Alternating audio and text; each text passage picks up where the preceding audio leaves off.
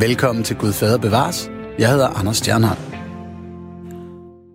Ja, velkommen til Gud Fader Bevares, et debatprogram, der ser kritisk på religionens rolle i Danmark og i verden. Mit navn er Anders Stjernholm, og jeg er ateist. Jeg tror ikke på nogen Gud. Ikke en eneste. Ligesom dig tror jeg ikke på, at den indiske abegud Hanuman og den græske gud Zeus findes. Når det kommer til de to guder, er vi begge ateister. Jeg tror så heller ikke på den kristne Gud eller islams Allah, og her stopper din ateisme måske. Desuden mener jeg, at religioner som idésamlinger ikke påvirker vores samfund og verden positivt. Dermed er jeg antiteist. Selvom religion medfører nogle gode ting, mener jeg alt i alt, at religion har en negativ effekt. Og det prøver jeg at formidle og diskutere i dette program. I løbet af programserien har jeg talt med politikere, præster og imamer om religionens påvirkning og rolle i vores samfund. Og i dag laver vi et lidt anderledes program, i det jeg ikke har en gæst i studiet at debattere med. I stedet vil vi se tilbage på programrækkens forløb 12 programmer, spille de bedste klip, kommentere dem og sammenfatte, hvad programmernes udvekslinger har vist os. Vi vil komme ind på religionernes undertrykkelse af kvinder og homoseksuelle, vi kommer ind på en særligt diskutabel misforståelse omkring ateismen, og til sidst ser vi på efterlivet, paradis og helvede, og hvad det betyder for mennesker at leve dette liv i lyset af evigheden. Vi kommer også til at høre fra vores tidligere gæster, blandt andet Bertel Hårder og Serine Godfredsen. Og forhåbentlig også fra dig. Du kan være med i programmet her via sms til 1424. Skriv R4, et mellemrum, og så din holdning til tingene, eller hvis du har et spørgsmål til mig om religion og ateisme, så er sms'en altså 1424. Radio 4 taler med Danmark. Og det første emne, vi skal kigge på her i det her tilbagebliksprogram, det er de flere grader af kristen, der findes. Fordi her i programrækken har vi slået fast, at det er temmelig svært at afgøre, hvornår et menneske tæller som kristent. Det blev øh, især noget, der faldt øh, mig for brystet, da jeg havde besøg af folkekirkepræsten Flemming Ples. For at sætte et, et hak i, øh, i, i, i målpinden, så er man kristen, kræ, kristen, så er man kristen, når man, øh, når man er blevet døbt. Det var for eksempel en god begyndelse. Du er blevet døbt som lille. Øh, ja, det tror jeg ikke, du er vel? Wow, Anders? Jeg, jeg står netop lige og får det sådan lidt afs. Øh, jeg er døbt. Jamen, så er du kristen. Ej, hold op. Jo, men det er du. det tog øh, Flemming og jeg så en 50 minutters diskussion omkring. Øh, lykkeligvis for mig, og de, der ikke synes, at jeg skal være med i Kristenklubben, så ser øh, Marie Krav fra Dansk Folkeparti lidt anderledes på det. Min definition af det, min egen, hvad jeg selv tror og mener, er, at uden at man tror på den opstandende frelser, altså at Jesus er Kristus, og han er opstået fra de døde, så er kristendommen meningsløs. Men jeg skal ikke bedømme, om du er kristen eller om andre er kristen. Det er for herre, der skal bedømme det. Biskop Peter Fischer Møller fra Folkekirkens Roskilde Stift, han har en snorlig definition. Jeg skal ikke gøre mig til øh, herre over, hvem der er kristen. Øh, jeg synes, det er vigtigt at, at øh, understrege, at i folkekirken har vi en bestemt måde og, eller en bestemt fortolkningsramme om det at være kristen. Når man hører til i folkekirken, jamen så er det en bestemt fortolkningsramme, man har omkring, øh, øh, omkring blandt andet, hvordan Gud har vist sig for os i Jesus og hans ord og gerninger og hans liv og død og opstandelse. Og det er, det er så det grundlag, øh, vi arbejder på. Ja, der drillede jeg en lille smule. Øh, til gengæld, Lars Sandbæk, lektor i Folkekirken, øh, deres øh, videns- og uddannelsescenter, han har en snorlig definition. Kernen i den kristne tro er bekendelsen til Jesus som i en eller anden forstand Gud selv. Det er sådan en form for minimal tro, man er nødt til at have som, for at kunne kalde sig kristen. Hvis, hvis ikke du mener det, hvis du siger, jeg tror på Gud, men det, her, det jeg tror om Gud, har intet at gøre med Jesus, så er du ikke kristen, så tilhører du bare en anden religion. Bum! Og den følte Syrine Godfredsen, præst i Folkekirken, op på. Skal man tro på Jesus som Kristus for at være kristen i dine øjne? Ja, det skal man. Åh, oh, tak. Hvis ikke man tror på, at Jesus er Guds søn, så er det ikke kristendom, vi taler om. Så er det jo kulturkristendom, eller øh, hvad kan man sige, en tro på de gode, næstekærlige værdier og sådan noget, og det er noget andet. Men når du siger kristen, øh, så tillader jeg mig at tolke det i den forstand, at, øh, at du mener, at man virkelig er øh, troende på, at, at, øh, at Jesus er Kristus, altså Guds søn. Det er det, kristendommen er. Kristendom er Kristus. Mm. Det er altså en smule rodet at få defineret, hvad en kristen er, men jeg er glad for, at de fleste, jeg har talt med, definerer kristenhed nogenlunde som mig. En kristen er en person, der tror på, at Jesus var Kristus. En guddommelig størrelse. Og det er her, hvor kristenbegrebet bliver lidt mærkeligt i Danmark, fordi det er kun cirka 20 procent af befolkningen, der oprigtigt tror på, at Jesus var Kristus. Men 65 procent af befolkningen kalder sig kristne. Det viser altså, at der i Danmark er meget forskellige grader af religiøsitet. Og nu dykker jeg ned i nogle af dem, der tror lidt mere alvorligt end de fleste. Et sted mellem en halv til en hel million mennesker i Danmark tror på en ret præcis guddom, og de kalder ham enten Gud eller Allah. Han har skabt alting og har en række regler og normer for, hvordan menneskelivet bør ledes, leves. Og dem skal vi tale om nu, hvor det skal handle om homoseksualitet og ligestilling. Her i programmet har jeg nemlig mødt flere af den slags troende. Vi har blandt andet talt med Indre Missions formand Hans Ole Bækgaard og valgmenighedspræsten Henrik Højlund. De har en konservativ, bibelnær kristen tro, som har afgørende betydning for dem selv og de, der deler denne tro. I mine samtaler med de to dykkede jeg ned i noget, som jeg mener er den tydeligste negative kristne kulturarv, nemlig synet på kvinder og homoseksuelle. For Bækgaard, som er formand i Indre Mission og folkekirkepræst, hænger det sådan her sammen. På sin vis er øh, jeg ikke, og så ved jeg ikke, om jeg kan sige, at jeg taler på den måde på os på bevægelsen Indre Missions vegne, men jeg er egentlig ikke så optaget nødvendigvis af, om homoseksualitet er, er rigtig eller, eller forkert, som kategorien nogle gange kan blive. Det, jeg er egentlig mere optaget af, det er, at øh, Bibelen den taler om, at vi er skabt som mand og kvinde, og øh, i det lys, så er ægteskabet givet os som en skaberordning. Det er også derfor, når for cirka de her 10 år siden, da den store diskussion bølgede igen frem mod 2012, om øh, folkekirken især skulle have et øh, ritual for vis af to af samme køn, og hvad definition af et ægteskab er. Øh, det var blandt andet derfor, øh, at vi, og også for min eget vedkommende, jeg blandede mig i debatten. Fordi det er egentlig det, der først og fremmest er på spil for mig. Hvordan definerer vi et ægteskab? Og hvad er et ægteskab? Øh, først og fremmest så handler det ikke om for mig at dømme nogen øh, inde eller ude, og, og, øh, og skal gøre mig bedre end, fordi der kan være masser af grunde til, og masser af situationer, hvordan man kan opleve det vanskelige. Og som du sagde før, at man kan opleve, at man er i en situation, hvor man egentlig bare bliver overdynget med skyld og skam, og hvordan skulle man så nogensinde kunne synes, at et, øh, en, et fællesskab som Indermission, det var noget for mig. Øh, men, men det mener jeg faktisk, det er, og derfor har vi faktisk også flere homoseksuelle, som er en del af, af Indermission fordi det også kan blive hørt anderledes. Så jeg, jeg vil hellere begynde et andet sted og spørge, må, må hvad spørge? er et, et, et øh, ægteskab? Ja. ja, okay. Må jeg hurtigt spørge omkring de der homoseksuelle? Er det så homoseksuelle, der ikke praktiserer deres lyster?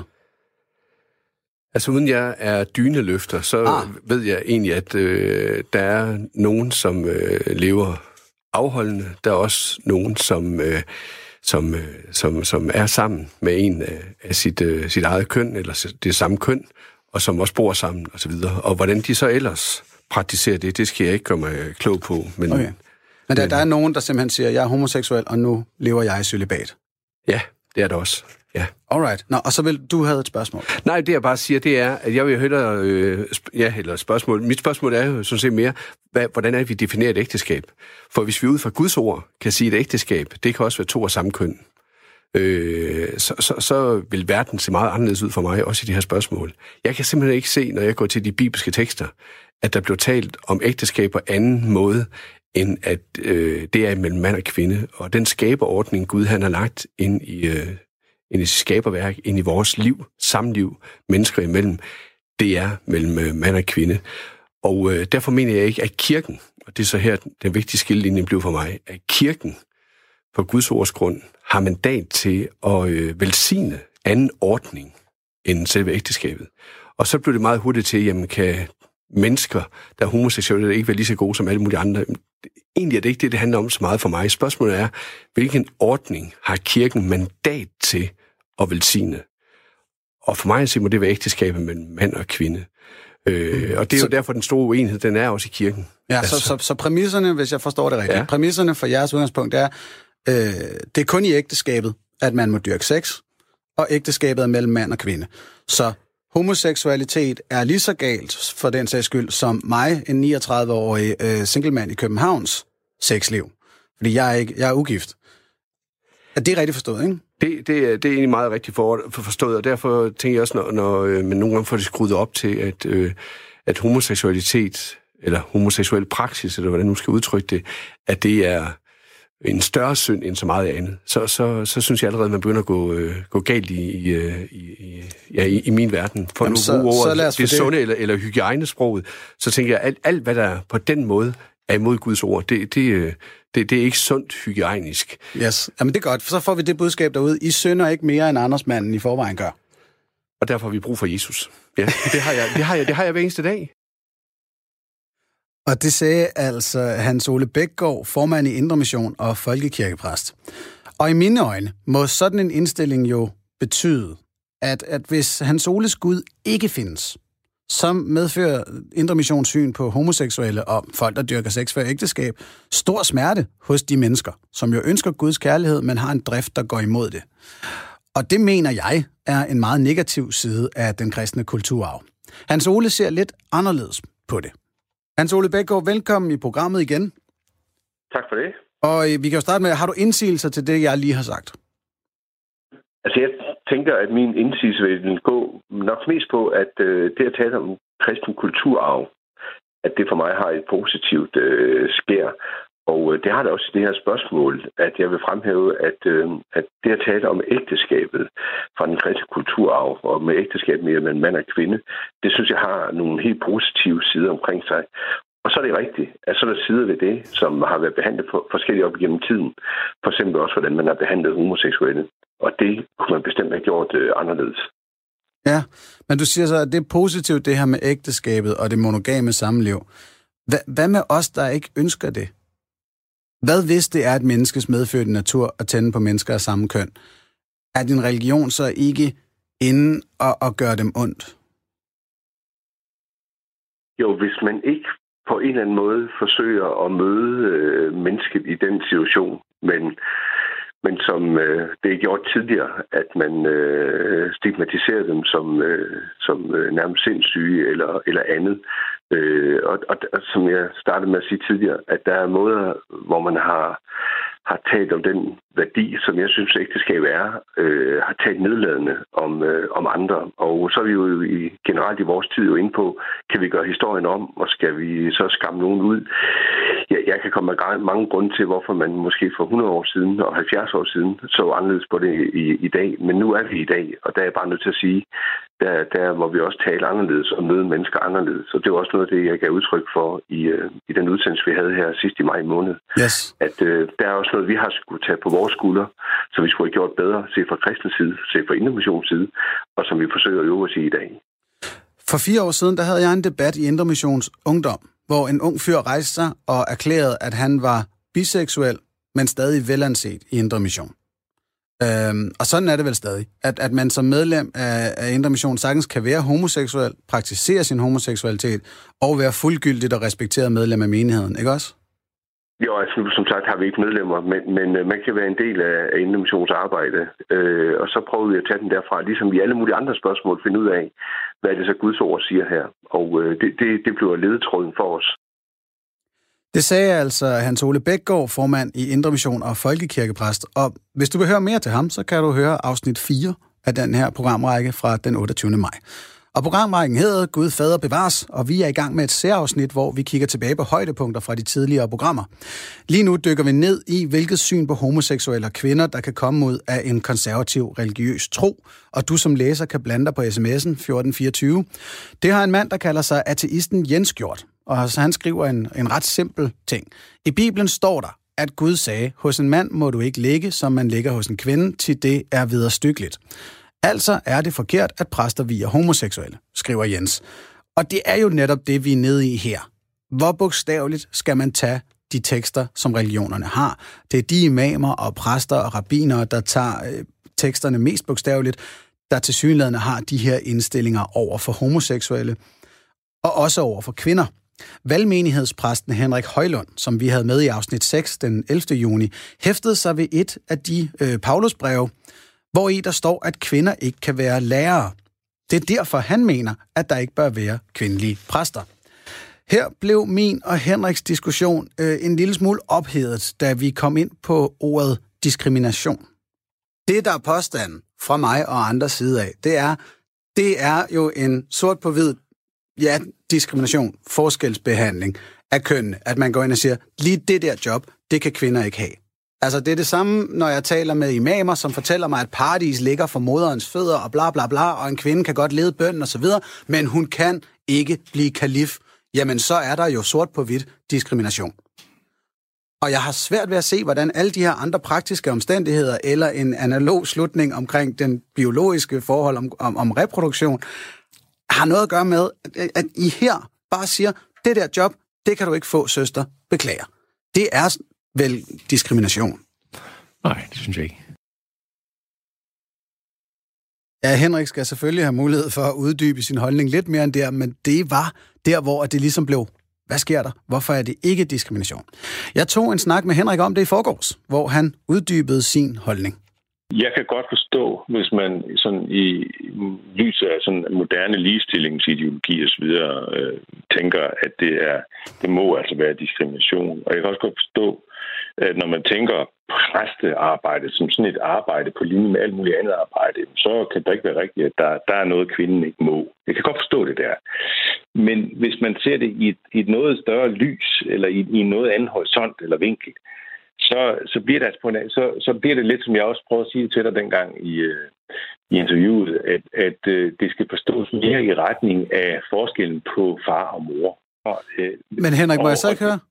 Altså, mm. går du så derind og siger, at din religion for mm. dig vel er lige så naturlig som de biologiske køn? Jo, det gør jeg faktisk. Det gør jeg. Øh, og, og, og det er klart, at det er det ikke for dig, og det er det ikke for folk, der ikke tror på det, eller øh, sidder et helt andet sted øh, i deres livsopfattelse. Men, ja. men, men det, det, er sådan, det, det er sådan, det ser ud for mig. Jeg kan jo ikke, jeg kan jo ikke så at sige, indrette mig øh, efter, hvad der er din ideologi eller din opfattelse af tilværelsen. Jeg tænker det ud fra min horisont og ud fra min vinkel. Hvorfor er det ikke diskrimination, at de her mennesker ikke må bestride et bestemt arbejde, fordi de har et bestemt køn? Fordi at, den, øh, fordi at det, øh, det, der er på spil i en menighedssammenhæng, det er det samme, der er på spil i en ægteskabssammenhæng. Og det er de to steder, hvor, hvor, hvor der er det her den her, hvad skal man sige, rollefordeling. Øh, I, I øvrigt i samfundet som sådan, så, så, er, der ingen, så kan der ikke, er der ikke nogen med, med kristen baggrund, som kan sige, at en kvinde må ikke være direktør, en kvinde må ikke være dronning, en kvinde må ikke være ditten og datten. Men lige præcis, når, det, når vi er inde i det, som handler om øh, menighed, så er vi inde i, så er vi inde i noget, der øh, er meget tættere forbundet med, jeg skal kalde det naturen, vores gudbillighed, øh, og som, hvor, hvor, forskel, hvor, hvor forskellen, forskel, forskellen i rollerne er meget vigtig og meget naturlig, og hvor der ikke er tale om diskrimination, men hvor der er bare tale om en forskel, som på linje med det at være far og mor, som ingen oplever som diskrimination overhovedet. Det var altså valgmenighedspræsten Henrik Højlund, som forklarer, hvordan hans religiøsitet hænger sammen. Og det er gode ord, det her. Det er noget, der giver i mine øjne en ret god indsigt i, hvordan religion føles for Henrik så er den lige så naturlig som den biologiske virkelighed. Og det er muligvis nok også derfor, at kønsmæssig forskelsbehandling også sker i konservative jødiske samfund og muslimske samfund. For naturligvis kan islams hellige bog heller ikke uden videre sige sig fri for det her problematiske syn på kvinder. Øh, det kom jeg ind på i afsnit 5 den 4. juni med imam Shirin Kankan, som arbejder for en mere ligestillende islamisk praksis. Ud af Koranens over 6.600 vers 114 kapitler, der er der seks vers, der kan tolkes som argumenter for et kønshierarki. Men de kan også tolkes som det modsatte. Og det vi gør i Maria Moskeen, og det som mange islamiske feminister gør, det er, at vi forsøger at genlæse Koranen med fokus på kvinders rettigheder, og vi forsøger at tolke de her seks vers i en ikke-kønsdiskriminerende retning. Når jeg før sagde, at Koranen ikke uden videre kan sige sig fri, så handler det jo om, at det kræver Shirin og hendes kollegers meget usædvanlige tolkning at læse den bog som andet end dybt mandsjuvenistisk. Religioner har i mine øjne en ret åbenlys rolle at spille her. Det kræver blot, at man læser teksterne, som de står skrevet i dag. Og det kan vi vel ikke bebrejde religionernes følgere, at nogen af dem gør. Men at denne diskrimination skulle komme fra religion, specifikt den kristne religion, er vi ikke alle enige om. Da Bertel Hårder var med i programmet i sidste uge, sagde han således. Vil du medgive mig, at kvindeundertrykkelse og homofobi også er elementer af den kristne kulturarv? Nej, det vil jeg ikke. Og beviset er jo, at langt de fleste kristne i dag er fuldstændig enige med dig. i synet på kvinder, i synet på homoseksualitet osv., så, så kan det jo ikke være et led i den kristne kulturarv. Jeg mener ikke, at flertallets brug af en given idésamling, her i det her tilfælde en religion, er nok til at frikende idésamlingen for skyld. For hvor er det dette syn på homoseksualitet kommer fra, hvis ikke det er i bogen, hvor det står? Min påstand er så faktisk ikke, at det udelukkende skyldes religion. Men religion er da åbenlyst en faktor, når de ivrigste følgere af religionen er de mest intolerante, og er det med henvisning til religionen. Hvor meget belæg er der så behov for, før en religionens medskyld anerkendes? Det spurgte jeg Bertel om i en opfølgende telefonsamtale i går. Min kommentar er, at der er jo intet, der tyder på, at ateisme fører til mindre intolerance. Og, og derudover vil jeg sige, at det kan da godt være, at øh, nogle religioner, øh, især islam, men i, i lange perioder også øh, øh, kristendom og i et vist omfang også nogle kristne stadigvæk. Det kan da godt være, at, at der sker en, en forstærkning af noget intolerance.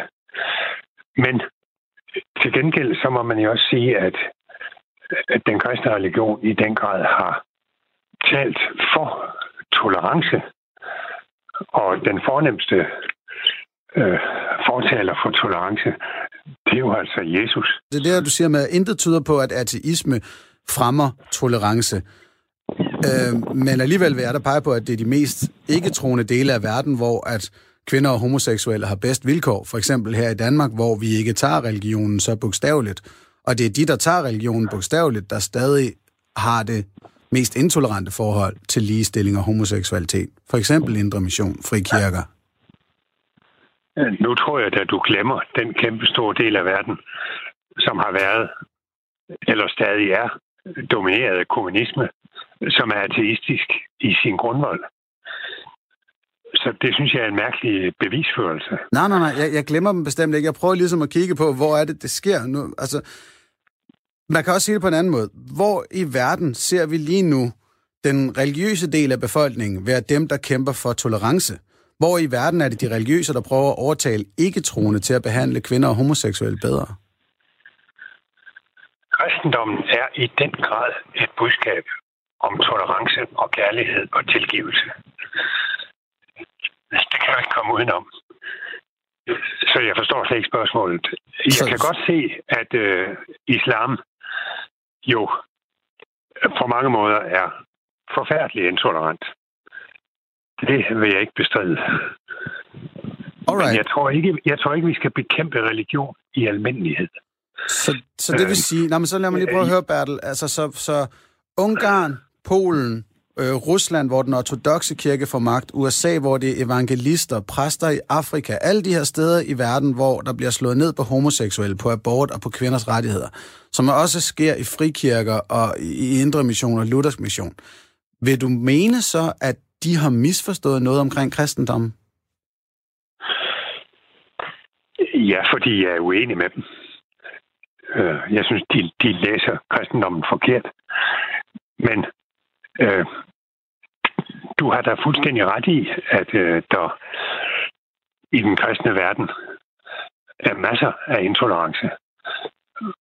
Og nu har du været så venlig at lade være med at, og, at nævne nazismen, men den øh, voksede jo faktisk op i, i et kristent land. Så det er nemt at påpege og nødvendigt at indrømme, at, at øh, kristendommen har næret øh, specielt tidligere i historien forfærdelig intolerance. Det er jo nemt. Men de, der ikke var kristne, de var måske også intolerante, og de øh, stater, som bygger på noget andet, de, de har jo også kunnet være forfærdeligt intolerante. Det eneste, jeg siger, det er jo, at, at, at man skal ikke finde kilden til intolerance i religionen. Men du kan have ret i, at religion kan forstærke intolerance. Men religion kan jo altså også forstærke tolerance. Og det er kristendommen det bedste eksempel på. Ja, hvor, hvor i verden forstærker kristendommen tolerancen? Hvor er det kristendommen, der går forrest?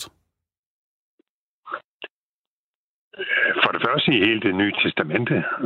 Nå, men her tænker jeg altså i praktiske blandt mennesker.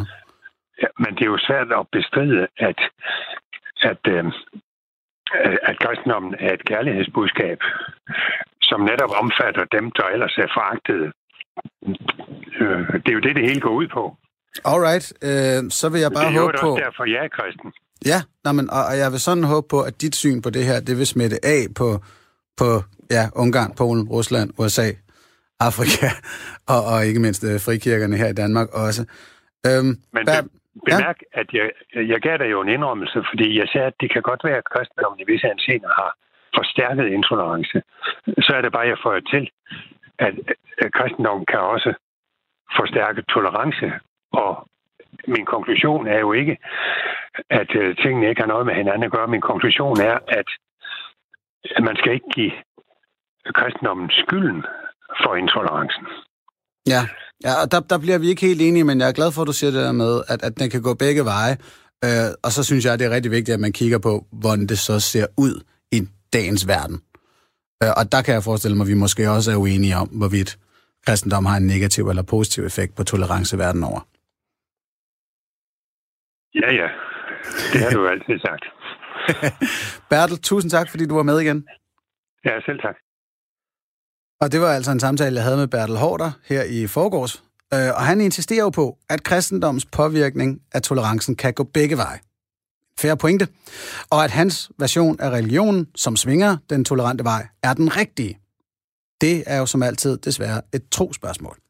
Vi er i gang med den her særudgave af Gud Fader Bevares, hvor vi kigger tilbage på programmerne og nogle af de vigtigste øh, idéudvekslinger, jeg har haft med mine gæster. Og du kan også være med på sms'en. Du kan skrive til 1424. Er diskrimination af homoseksuelle og kvinder forbundet med kristendommen øh, eller islam? Skriv R4, mellemrum, og så din holdning. Øh, det har en fyr, der hedder Jens gjort. Han skriver, Hej Anders, hvad med os, der ikke ønsker at leve med muslimer, gode som dårlige? Jeg er født i et land dengang uden muslimer. Jeg ønsker fortsat at leve i et land uden islamisk indflydelse. Jeg er ateist og ikke medlem af Folkekirken. Er jeg så også racist? Hvad er din kommentar? Og, og Jens, jeg kan ikke helt udlægge, om du er racist ud fra det, du skriver. Godt nok skriver du det her med, at du ønsker ikke at leve med muslimer, gode som dårlige. Den lyder Ja, den lyder racistisk. Altså, det er rigtig vigtigt, fordi jeg kan meget bedre lide formuleringen, jeg ønsker ikke at leve i et land med islamisk indflydelse. Fordi der fokuserer man lige pludselig på ideen, frem for følgerne af ideen. Som jeg også har sagt før i programmet, der er intet menneske, der er min fjende. Ingen gang Donald Trump eller Kim Jong-un. Det er de idéer, der har skabt dem, der er fjenden. Og det er de idéer, der skal vendes, også i det her program. Og det er derfor, jeg er religionsmodstander, for jeg vil gerne leve sammen med kristne og homoseksuelle, men jeg vil ikke leve under religiøse idéers indflydelse. Øh, jeg vil gerne leve under idéer, vi er enige om indflydelse. Og det er derfor, at, at artister som jeg ligesom går ind for et sekulært samfund, hvor alt er lige, men intet favoriseres.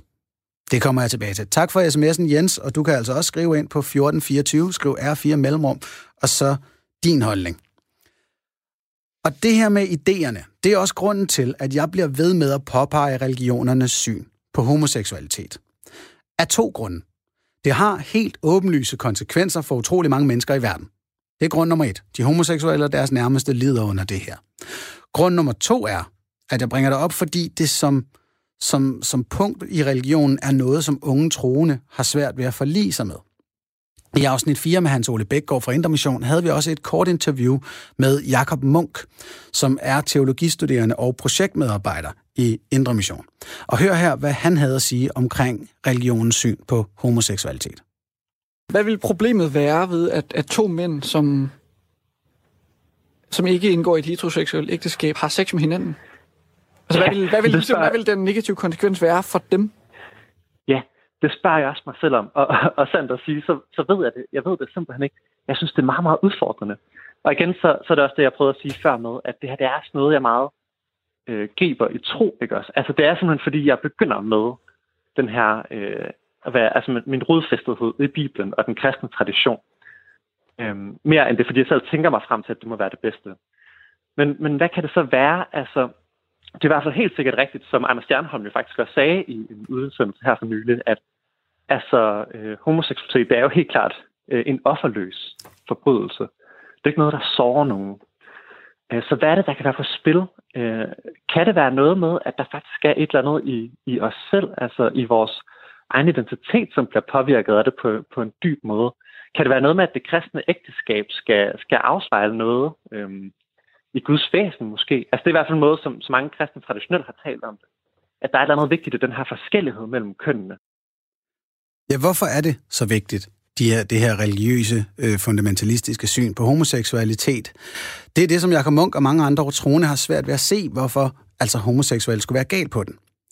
Og det er her, hvor det begreb, der kaldes kognitiv dissonans, kommer ind i billedet. Kognitiv dissonans er et begreb, der handler om at have to modstridende holdninger i samme menneske. Et klassisk eksempel er en person, der mener at gå op i sundhed, men samtidig ryger. Det er åbenlyst, åbenlyst en modstridende holdning og handling. Men vi er som mennesker i stand til at have sådan nogen. For eksempel synes jeg, at jeg er en god politisk forbruger, der passer på med, hvad jeg bruger mine penge på. Og jeg finder Champions League-fodbold til at være en dybt korrumperet økonomisk størrelse. Men jeg kan ikke lade være med at se på det alligevel.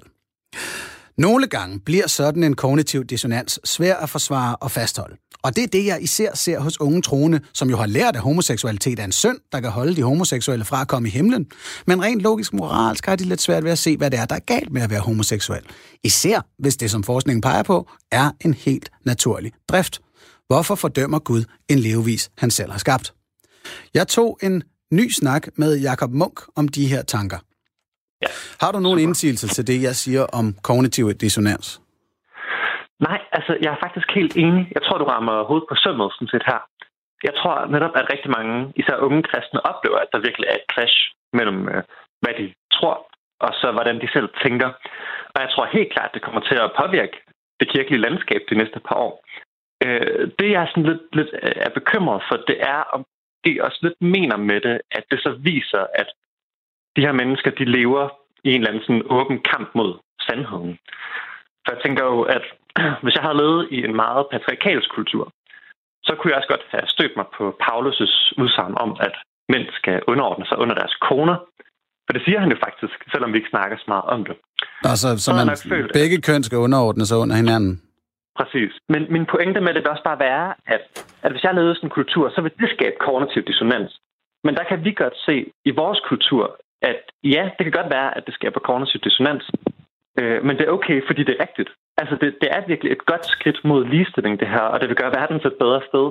Så hold fast i det, selvom det ikke giver mening for dig i din kultur lige nu. Altså, så hvad er rigtigt?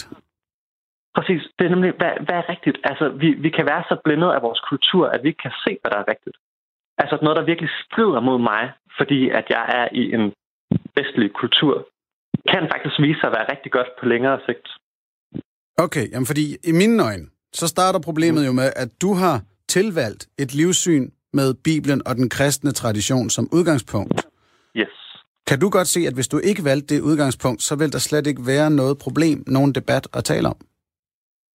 Ja, det, det, kan, altså det kan jeg sagtens se. Så vil jeg tænke helt anderledes om det. Øh, men det kan faktisk være, også, altså det kan være et frisk modspil. Øh, det kan faktisk være, at der lige præcis er brug for nogen, der påpeger for nogle af de blinde punkter for mig øh, som ung dansker i det 21. århundrede. Hvad, hvad er det, det nytter vores kultur og de homoseksuelle, at den kristne religion, og for den sags skyld også islam, kommer med sine indsigelser imod homoseksualitet? Ja, det er et godt spørgsmål, og det, igen, det, det er jo også det, vi havde lidt op i programmet, at jeg synes, det er svært at svare på. Jeg vil sige, altså det, det er jo så kort tid siden nærmest, at de havde den her samfundsmæssige accept af homoseksualitet. Så, så vi kender jo ikke sådan helt de sociale konsekvenser endnu.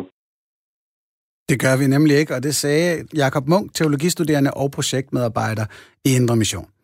Og her lukker jeg så vores øh, tilbageblik på emnet omkring religionernes syn på kvinder og homoseksuelle. Det næste emne, jeg vil tale om i det her specialafsnit af Gud Fader bevares, det er, at ofte når jeg vender spørgsmål om etik med religiøse, så bliver det mødt med et spejlargument. Et godt gammeldags, øh, hvad med dig selv?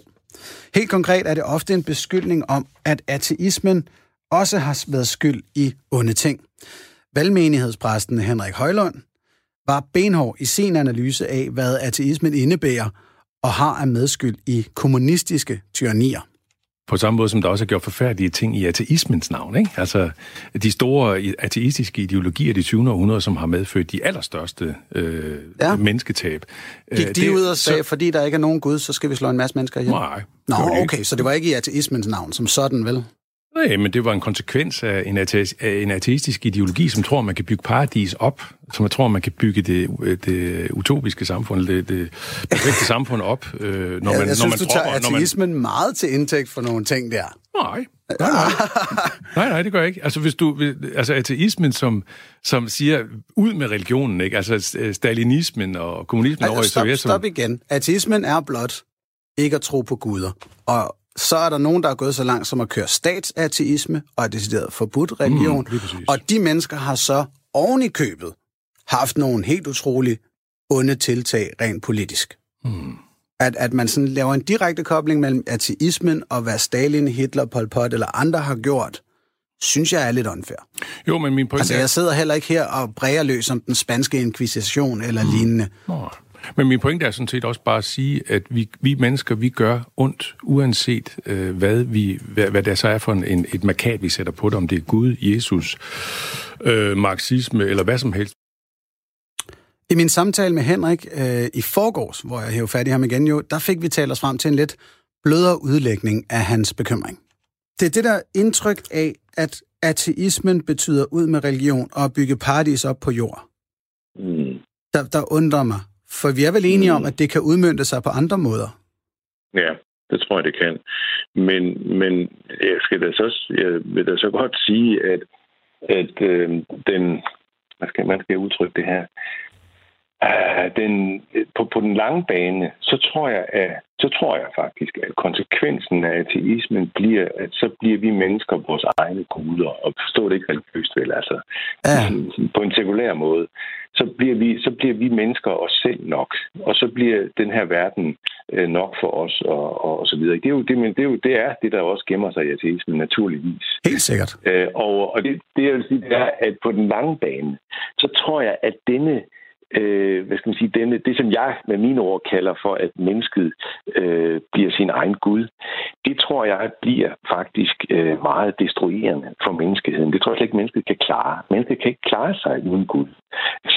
og det, og, det, og mennesket, mennesket bliver simpelthen sin egen bødel og sin egen dommer og sin egen... Øh, ja, sin egen ødelægger. Det tror jeg faktisk bliver på den lange bane. Men det er jo ikke det, der, det er jo ikke det, der ligger i den almindelige ateist tanke. Tværtimod, jeg er overbevist om, at du ønsker en god verden, det som jeg ønsker det, ikke også? Mm. Og, og, du ønsker, at mennesker skal have det godt, vi skal opføre os ordentligt over for hinanden. Og, og, og, og jeg vil gerne følge dig så langt som, at ja, vi bliver vores egen Gud. Vi, det er i hvert fald erkendelsen af, at der er ikke noget stærkere væsen i de nærmeste ja, 20 lysårs øh, retning i alle 380 eller mange, mange grader, der er på en kugle.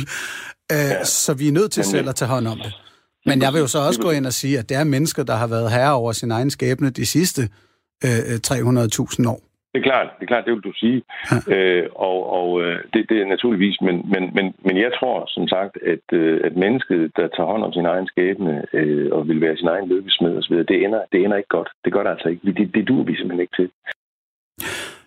Hvis vi fokuserer på enigheden, så er Henrik Højlund her og jeg enige om, at det er enorm betydning, hvilke idéer, der guider os mennesker. Jeg er dog mere optimistisk omkring de idéer, jeg tror på. Jeg tror, at der findes idéer, der kan bearbejde menneskets iboende ondskab og bringe os mere fred og fremskridt. Og jeg vil mene, at disse idéer har faktisk vundet afgørende frem de sidste 300 år og har bragt os mere fred og fremskridt. Så jeg håber, den sejrstime vil fortsætte. Og du er også velkommen til at smide dine idéer ind til det her særlige program af Gud Fader Bevares. Du kan være med på sms'en. Det er 1424, der er nummer. Du skriver R4 mellemrum, og så din holdning. Henrik er ikke den eneste, der har udtrykt bekymring over for mine gudløse idealer her i programmet. Jeg havde også besøg af Sorine Godfredsen, som forklarede det på den her måde. Det er den vej igennem, jeg ligesom ser, at der er en chance for et, et nyt daggry for menneskeheden. Mm. Det er store ord. Det er store jeg, jeg er nødt til at sige til dig, at øh, noget af det, du står og siger nu, det er jo det, som man sådan typisk vil kalde menneskets drøm om at skabe paradiset på jord. Ja. Det er sapsus med øh, øh, øh, sejlet skævt nogle gange. Det, det er det simpelthen er det. en klassisk, øh, selvfølgelig ateistisk og og helt utopisk forestilling om, at, nu skal jeg lige tale ja. en helt utopisk forestilling om, at vi at vi som menneskehed lægger noget fuldkommen definitivt bag os. Det troede man også i starten af 1900-tallet, hvor man i den grad levede i en meget stærk fremskridtstro, fordi man havde øh, verden var ved at blive industrialiseret, man havde øh, opfundet mange teknologiske ting, og mente jo selvfølgelig, at nu, nu er der simpelthen, nu kommer der ikke flere, mere elendighed på jorden. Nu er vi nået det punkt, der sagde man også, som du siger, nu har vi forstået rigtig meget. Mm. Og så træder man ind i det 20. århundrede og oplever noget af det allermest modbydelige, ondskabsfulde, blodige verdenshistorien nogensinde har budt på. Mm. Det er utrolig farligt at tænke, som du gør. Og det er præcis derfor, nu skal jeg lige gøre det færdigt, ja, okay. det er præcis derfor, at jeg har en så stærk tro på, at mennesket skal leve på jorden i lyset af evigheden. Fordi hvis man lever i lyset af evigheden, så bliver man vaccineret mod sådan nogle fantastiske forestillinger, som jeg synes, du repræsenterer, og som har en, en øh, enormt, et enormt farligt potentiale, fordi at mennesket bliver revet med af troen på sin egen godhed. Og det har gang på gang vist sig at ende i katastrofe og den største ondskab. Det sejlede skævt nogle gange, siger Syrine. Ja, det er det. Ligesom rigtig mange religiøse samfund er, er sejlet skævt. Altså katastrofer og den største ondskab er kommet til os på mange forskellige måder. At få at vide, at min tankegang er farlig med den her association til tyrannisk kommunisme, irriterer mig rigtig meget.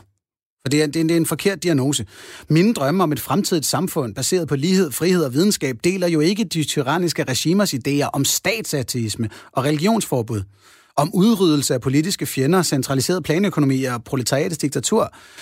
Jeg vil gerne sige, at jeg er sympatisk over for socialisme og sågar kommunisme, men det er ikke en del af ateismen, og det er blot som ideologier, og det betyder jo naturligvis ikke, at jeg dermed køber ind på alt, hvad der er gjort i deres navn. Ligesom kristne og muslimer heller ikke skal tage ansvar eller forsvare alt, hvad deres idéer har gjort og gør verden over. Det virker mig overordentligt mærkeligt, at religiøse kan finde på at benytte den her form for argumentation. Det her øh, associationsfejlslutning.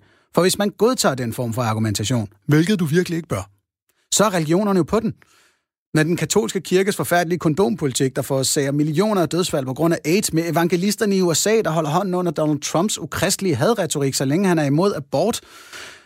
Alle de her forfærdelige handlinger, som man kan pege på rundt omkring i verden, som den kristne religion har en rolle i, skal kristne i Danmark naturligvis ikke have skyld for, ligesom ateister i Danmark ikke skal sættes i forbindelse med Stalin. Det er dumt og barnligt, så stop det. Og vigtigst af alt er det for mig at understrege, at de her regimer indførte statsatisme. Altså hvor religion blev ulovliggjort på den ene eller den anden måde. Og det er jo ikke det, moderne ateister ønsker. Vi ønsker et sekulariseret samfund, hvor alle religion og livssyn behandles fuldstændig lige. Intet skal forbydes, og intet skal favoriseres. Det budskab bragte jeg til Syrine, og så tog vi os en drøftelse om den her associationsbeskyldning igen. Kan du forstå, at jeg er træt af den her associationsargumentation? Øh, både og, fordi hvis det var sådan, at du sådan blev holdt personligt ansvarligt for øh, de ulykker, der har været i historien, så kan jeg godt forstå det. Men det er jo ikke det, øh, øh, vores diskussion handler om. Det er jo, hvilke følger der kan være af bestemte overbevisninger og livssyn. Og ligesom der kan være øh, helt åbenlyst har været negative følger af de religiøse kræfter i verden, så er der også vist sig at være negative følger af det ateistiske. Så derfor så er det, øh, så, så er, at jeg synes egentlig, det er en rimelig måde at diskutere på, men hvis man tager det personligt og synes, det her, det, nu bliver jeg trukket ind i min som en, der skal stå til ansvar for alting, så forstår jeg godt, du er træt af det. Men så ja. behøver du ikke opfatte det. Men det er ikke sådan, jeg opfatter det. Det, det der irriterer mig, det er, at det er ideen om ateisme, der bliver draget til ansvar for det her. Altså, det er jo det, jeg tænker på. Hvis jeg nu tog mig de samme friheder til at associere danske kristne drømme, øh, eller i det hele taget kristendommen som, som idésamling, med alverdens historiske og nutidige kristne samfunds dårligdomme, så kunne jeg jo snilt få et par timer til at gå med den der samme dundertale, som I gør ja. jer i. Men den frihed må du da gerne tage dig. Men det må jeg da ikke, fordi det er jo en, jo. en fejlslutning at lave en ubrugelig argumentation. Nej, fordi øh, der er, der vil altid i bestemte livssyn og bevisninger være bivirkninger og muligheder for, at mennesket kører ud af en, af en farlig tangent. Det er der med religion, det er der med kristendom, det er der med ateisme, det er der med kommunisme, det er der med alle mulige yes. overbevisninger. Så derfor så man, jeg synes faktisk, at det er en, en slutning, man gerne må lave sådan forsøgsvis, når man diskuterer. Hvad har vi lært af historien? Hvad er de forskellige overbevisninger ført til? Hvis ikke vi lavede den, så vil vi på en eller anden måde gøre os blinde over for, hvad historien har lært os, og også hvad vores egen øh, mere eller mindre løbske tankegang kan føre til. For det er jo et hvert menneskes ansvar, når man tror på noget, at være opmærksom på, hvad kan det føre til af negative ting? Yes, yes. Okay, men det jeg siger heller ikke, at man slet ikke skal tale om. Det er blot, at det er, det er næsten hver gang, at jeg møder det. Og, og vores samtaler ville jo være fuldstændig elendige, hvis vi insisterede på at gøre det hver gang. Hvis jeg stod og sagde, åh, oh, jamen, øh, kristne og Joseph Kony nede i Afrika, eller evangelisterne i USA osv., og du stod og sagde, åh, oh, jamen, ateister og Kina osv., så, så vil vi jo aldrig få lavet en ordentlig dækkende analyse af hinandens idéer. Nej, men det kan da sagtens være, at vi fokuserer for meget på det, men nu er det jo også fordi, vi har, vi har jo været igennem et århundrede, et 20. århundrede, som har haft de der store ateistiske farlige bevægelser. Og hvis du tror, at det er hårdere at være ateist og få den smidt i ansigtet, end det er at være troende, så øh, tror du faktisk, fordi det er jo, øh, religiøse mennesker har jo hørt på de der anklager altid. Så det, mm. og, og det, er, det, det er simpelthen en, det er en uundgåelig bane, vi kommer ind på, fordi når man, når, man, når man gerne vil angribe eller kritisere modpartens livssyn, så vil man jo uværligt trække det frem, som man ved er negativt ved det. Så det, jeg tror, det er meget svært at undgå, men du kan sagtens have ret i, at vi, at vi er ved at være færdige med det, i hvert fald også to. Fordi nu, altså, man kan ikke blive ved med at, at trække det frem. Men at det har en stor relevans, det synes jeg ikke, man kan komme udenom. Det sagde altså Sorine Godfredsen, præst i Folkekirken. Og dermed lukker jeg øh, diskussionen om den her associationsbeskyldning imod ateismen og går til det sidste emne, vi skal nå i dag, og jeg vil have en lille smule travlt. Det drejer sig om efterlivet. Religionerne lover os, at der kommer et efterliv, og man skal gøre nogle bestemte ting for det. Det var jeg inde på i programmet med Imam Navid Baik. Ja. Er den eksistens, der kommer efter støden, større end den, vi har gang i her? Ja, i den forstand, at den er evig. Uh, I den forstand, at den er at den fuldender uh, livsrejsen. Alright, uh, så det næste liv er evigt? Ja. Hvor ved du det fra? Det er klart, alle mennesker, som, som har en religiøs tro, de hæfter sig jo ved deres religiøse traditioner. Øh, og, og mit udgangspunkt øh, som, som imam, det er jo, at jeg, jeg har en, en, en tiltro til øh, og en vidsthed om, at det er Koranen og, og profeten, han, øh, tal, når han taler, eller de taler om, om døden, det er den forståelse af døden, som, som jeg også har. Det er jo det, man kalder for, for tro og, og for religion. Det er rigtig vigtigt det her jo, at ideen om, at der kommer et liv efter det her, og at det er evigt, det er en trospørgsmål. For det er nogle vanvittige, i mine øjne, øh, store påstande, de kommer med. Altså et, der kommer et liv efter det her liv. To, det liv var for evigt. Og tre, det liv kan blive i helvede eller i himlen. Enten helt fantastisk eller helt forfærdeligt. Jeg skal lige sige, at det er ikke alle forgreninger af religionerne, der arbejder med et helvede.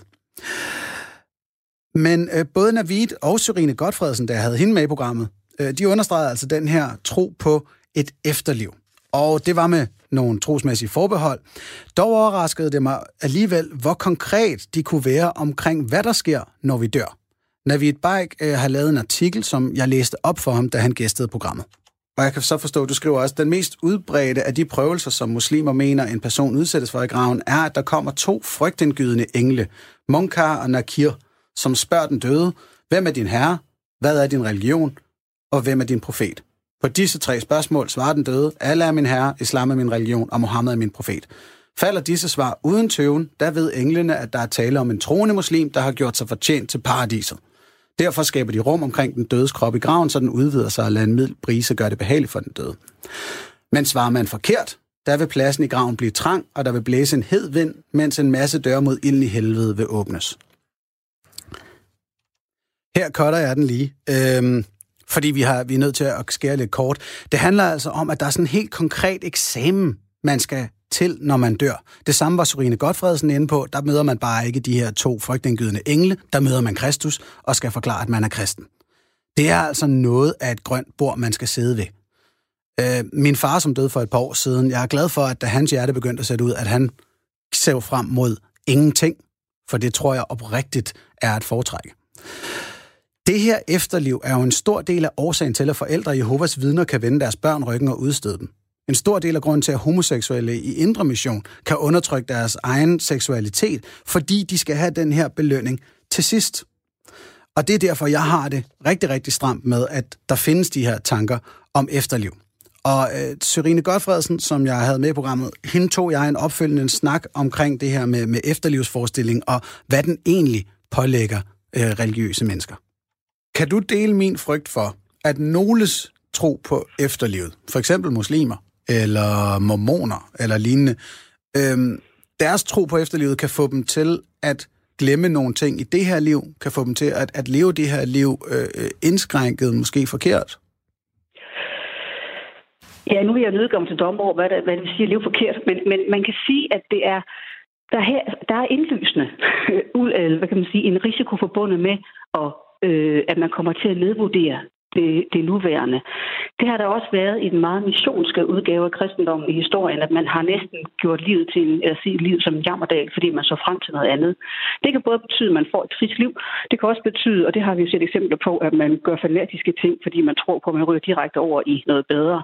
Mm. Så de, de, de, de, de uh, ulemper er der helt indlysende. Og det er også derfor, det er så afgørende, at et hvert troende menneske øh, aldrig slår forstanden fra, men bliver ved med at vurdere tingene selvstændigt og realistisk. Og så vil jeg godt understrege, at din og mange andre ikke troendes forestilling om, at troen på evigheden medfører en nedvurdering af, af, det, af det jordiske liv, den har jeg bare aldrig forstået. For selvom man tror på evigheden, så har man da en utrolig stor både pligtfølelse og glæde og inderlighed ved at være i det her liv nu, for de to ting står i forhold til hinanden. Det er sådan, man går og glæder sig til evigheden og gerne væk herfra. Tværtimod for mig, som har troen på evigheden, bliver, den, bliver livet her nu endnu mere intensivt og vigtigt, fordi det står i forhold til noget, der er så kæmpestort, at Godt. det er Guds vilje, at der er en evighed. Men der synes jeg, det bliver en lille smule selvmodsigende. Øhm, hvis jeg prøver et konkret øh, øh, eksempel, hypotetisk her. Øh, et menneske i indre mission, som faktisk er homoseksuelt, men vælger at undertrykke den drift og leve uden at udleve sin homoseksualitet, netop fordi det, ifølge vedkommendes overbevisning, er en synd og kan påvirke vedkommendes efterliv. Er det ikke netop lige der, hvor efterlivstanken går ind og begrænser det nuværende liv? og derfor så indledte jeg også med at sige, at troen på evigheden fordrev, at man virkelig ikke øh, læser øh, teksten meget fundamentalistisk eller ligger under for meget strenge kirkelige øh, magtmennesker. Øh, Fordi så kan man bestemt godt komme ud, komme ud i en tilstand, hvor man bliver bange for det nuværende og tror, der er ting, man ikke må, fordi der følger en straf. Hele, den der, hele det der forhold mellem, hvad gør jeg nu, og, og hvilken straf kan jeg forestille mig, det fører til, det er en, det er en meget, meget øh, gammeldags og fundamentalistisk måde at tænke på, som bestemt ikke sådan præger flertallet af kristne mennesker i den her del af verden. Jeg ved godt, det kan gøre andre steder, men det er ikke det, der er udbredt her. Så jo, du har ret i, at det vil det være. Og det menneske, som, som har den overbevisning, skal, øh, håber jeg, kan føre nogle samtaler med nogle præster eller andre troende, som, som får andre nuancer ind i det. For det er simpelthen ikke sådan, jeg tolker menneskets, øh, menneskets position på jorden. Men jo, selvfølgelig er der den risiko, hvis man, øh, hvis man lægger hele sin forhåbning i det, der skal følge efter det, der er nu. Det er en farlig tankegang, det er du ret i. Der ramte vi faktisk en, en, en god anbefaling, tror jeg. Ligesom når man har været til lægen, så kan man lige få en anden læges øh, mening om sagen. Hvis du har været til præst, hør lige en anden præst også. Og ved du, hvorfor vi, øh, hvad Grundtvig han gjorde ved det? Han øh, opfandt sognebåndsløsningen. Hvis man er træt af sin præst og ikke kan høre på ham eller hende, så skal man have frihed til at gå til hinanden. Og det er altid en god idé at få en, en ekstra øh, udlægning af tingene, helt stilsikkert. Godt. Sorine, tak for, at du var med igen. Velbekomme. Og det var altså mig, Anders Stjernholm og Serine Godfredsen, der var enige om noget. Nogle af de overraskelser, vi er stødt på i løbet af den her programrække. Øh, du lytter til Gud Fader Bevares. Vi er i slutningen af en særudsendelse, hvor vi har kigget tilbage på nogle af de vigtigste udvekslinger i, i programmet. Og jeg tror, den her ting, Serine var inde på, øh, har belyst noget, som har været min hovedpine i de 10 år, jeg har været i religionsdebatten. Nemlig, at religiøsitet i Danmark er meget forskellig. Vi har både haft fundamentalister, og vi har haft meget bløde øh, præster inde i det her program. Og, og det synes jeg, I skal vide, når jeg og andre kritikere af religion kommer med kritikken. Vi kan ikke ramme alles overbevisning hver gang, for de er vidt forskellige. Og derfor er jeg også glad for, at vi har haft programmer om meget, meget forskellige emner. Og jeg tager et par sms'er her til at lukke af på. Tina, hun skriver, alle former for religion indeholder vel en form for regelsæt. Og i og med, at der dikteres, at du er forkert på den, hvis du ikke underlægger dig disse regler, er religioner diskriminerende og fordømmende i sig selv. Jeg mener i øvrigt, at religioner opstår i mødet mellem folk, der har behov for at diktere, og folk, der har behov for at underlægge sig. Det var altså Tina, der skrev den øh, sms. Og så fik jeg også en fra Zen, ZDN, der skriver, med hensyn til homoseks er det jo fakta, at det er et godt forhold, et forhold uden mulighed for frugt i form af børn. Deres liv dør med dem, ligesom yin yang udgør en helhed, således også med mand og kvinde. Og ja, der bliver det jo så lige pludselig et spørgsmål om, synes man reproduktion er vigtigt eller ej. Og det er en drøftelse, jeg kunne tage meget en helt ny programrække om. Det bliver der ikke tid til her. For nu er vi i afslutningen af programmet. I næste uge sender vi aller sidste udgave af Gud Fader bevares den 6. august, og der håber jeg, vi lyttes ved. Nu er der nyheder.